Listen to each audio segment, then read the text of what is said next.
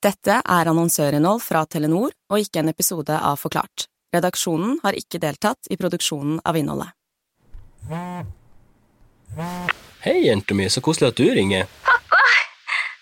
Du må hjelpe meg! Jeg vet ikke hvor jeg er. Du må finne meg. Nå skal du høre på meg. Vi er datteren din, og du har én time på deg til å sette over én million kroner. Du får snart en SMS av oss, og de stegene må du følge nøye. Hva gjør du hvis du får en telefon fra et familiemedlem eller en god venn som desperat trenger hjelp? Du kjenner igjen stemmen og er sikker på at en du er glad i, er i fare. Ville du overført pengene? Kunstig intelligens utvikler seg i rasende fart, og med såkalt deepfake-teknologi kan kriminelle nå kopiere stemmer som de deretter kan bruke til å svindle folk via telefon. Ifølge tall fra Washington Post oppga 36 000 amerikanere at de hadde blitt svindlet av noen som utga seg for å være venner eller familie over telefon i 2022. Og det stopper ikke der. Kunstig intelligens kan brukes til å lage alt fra helt troverdige e-poster og tekstmeldinger til nettbutikker og falske bilder og videoer. Og målet for svindelen er alltid det samme å tappe deg for penger. Hvordan skal du klare å skille mellom kunstig intelligens og virkelighet, og hvor bekymret bør du være for denne type svindel? Med oss i studio har vi teknologiekspert Nikolai Perminov og sikkerhetsekspert Endre Grande Syvertsen i Telenor, som skal gi deg svaret på dette. Velkommen. Takk. Takk.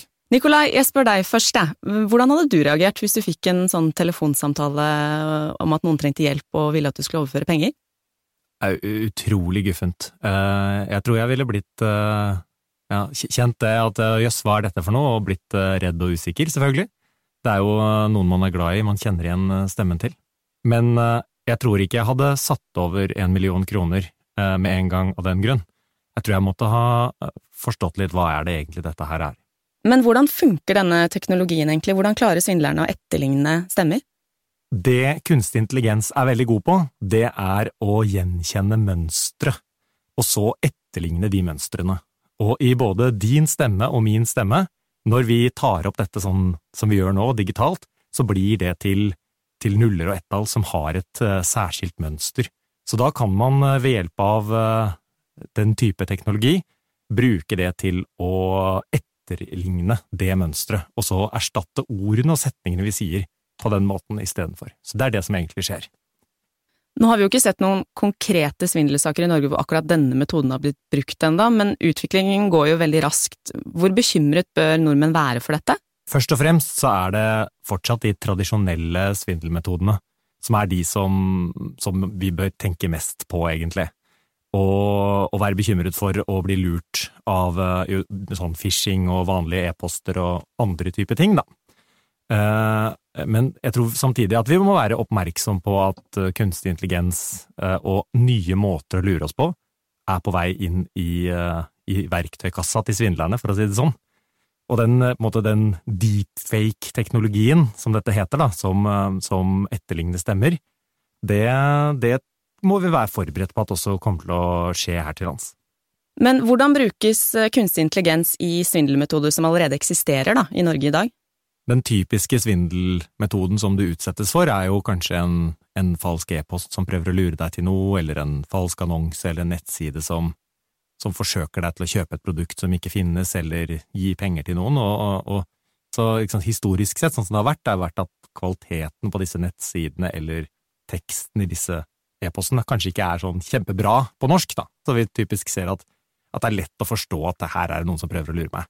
Men eh, etter hvert som denne teknologien blir bedre, med ChatGPT og, og, og, og, gode måter å, å, lage den type tekst på, så får vi både bedre kvalitet i, i teksten, som, som, sier, som gjør det mer overbevisende, og den kan også være bedre personalisert og tilpasset deg, så det treffer deg bedre. Og da kan det være, ikke sant, da er det enten klassiske e-poster, eller det kan være å lage falske annonser eller falske nettsider som prøver å lure deg til å kjøpe ting som ikke finnes, for eksempel. I det siste har vi jo også lest litt i media om eh, at kunstig intelligens har blitt brukt til å lage falske bilder og videoer som misbrukes, da. Eh, hvordan gjør de dette? Ja, det er jo litt det samme som med, en stemme, da. At uh, man gjenkjenner disse mønstrene, og så klarer man å lage det kunstig igjen, sånn at det, passer sammen. For så vidt så er jo det å gjøre bildemanipulasjon noe man har kunnet gjøre lenge gjennom sånn Photoshop og man har holdt på med det, men det har vært krevd veldig mye innsats, mye ressurser, mens nå gjør disse systemene det veldig lett å gjøre det fort. Og, og da kan du lage sånne falske personer, for eksempel, da, eller du kan, du kan, du kan se ut som at det er deg, mens de egentlig ikke er det, kan se helt ekte ut, Det er jo klart det er veldig ubehagelig. Samtidig så, så ser man at, at, falske bilder og videoer også kan brukes til å lure, lure folk i, gjennom å lage egentlig falske personer, sånn at du som kan kanskje bli forelska i noen på internett da, som ikke finnes i det hele tatt, og så er du på vei nedover en sånn, sånn vei hvor noen prøver å lure deg for å få penger av deg, for eksempel. Kunstig intelligens eh, kan brukes i mange ulike svindelmetoder, som vi har snakket om nå, men det kan også brukes til å forhindre svindel. Og Endre, du er sikkerhetsekspert i Telenor, og dere ser nå på mulighetene for å bruke kunstig intelligens i dette arbeidet? Ja, det stemmer. For heldigvis kan kunstig intelligens også brukes positivt, det vil si til å identifisere svindel så tidlig at det ikke kommer ordentlig i gang. Eh, vi vet at svindel eh, kommer ofte i bølger, store unormale trafikkstrømmer inn mot for eksempel Norge, og når vi klarer å identifisere de tidlig, så klarer vi effektivt stoppe svindlerne før det lykkes. Og som Telenor-kunde så har man jo en tjeneste som heter Se hvem inkludert i abonnementet sitt, som varsler deg mens telefonen ringer hvis det er et svindelanrop. Men jeg forstår det sånn, Endre, at dere stopper faktisk veldig mange svindlere allerede før de ringer hos kunden, da? Det stemmer. Eh, vi har over mange år klart å bygge opp en eh, oversikt over eh, svindelnummer. Det er ofte numre som ikke er i bruk i det landet det ble ringt fra, eller det er numre som vi direkte har knyttet mot svindel. Og de stenger vi i vår eh, gateway, kan du si, da, inn til eh, Norge og mot alle andre land òg. Så hittil i år så har vi stoppet 19 millioner millioner svindelanrop inn mot Norge. Altså, det er jo veldig mange som heldigvis har unngått å bli svindlet, da, rett og slett av det arbeidet dere gjør. Det stemmer, men vi vet jo at svindlerne ikke gir opp, de bare prøver seg igjen. Derfor trenger vi kunstig intelligens for å kunne klare å være enda raskere på når de prøver seg på nytt. Jeg skjønner jo at det kan være vanskelig å vite hvor vi er om et år, fordi utviklingen innenfor kunstig intelligens går så utrolig raskt. Men hvilke råd vil dere gi til hvordan folk kan beskytte seg mot svindel fremover? Endre, hvilke råd vil du gi? En generell regel for å unngå svindel eh, er generelt å aldri gi fra seg eh, sensitiv informasjon, eh, verken over telefon eller over, over tekstmeldinger som du mottar på din, din telefon. Eh, heller ikke dele med familiemedlemmer. En tommelfingerregel bør være også å ikke tro på ting som virker for fantastisk eller for fælt til å være sant. For eksempel er et tilbud som er for godt til å være sant, mest sannsynlig for godt til å være sant. Ha det litt i bakhodet eh, når du får et eh, tilbud. Hva gjør du da, hvis du i framtiden får en telefonsamtale à la den vi hørte i starten av episoden her? Altså, det er jo som Endre sier, helt superviktig å ikke oppgi informasjon sånn som bank-ID eller sånt. Det skal du ikke oppgi helst til noen, og i hvert fall ikke på, på telefon.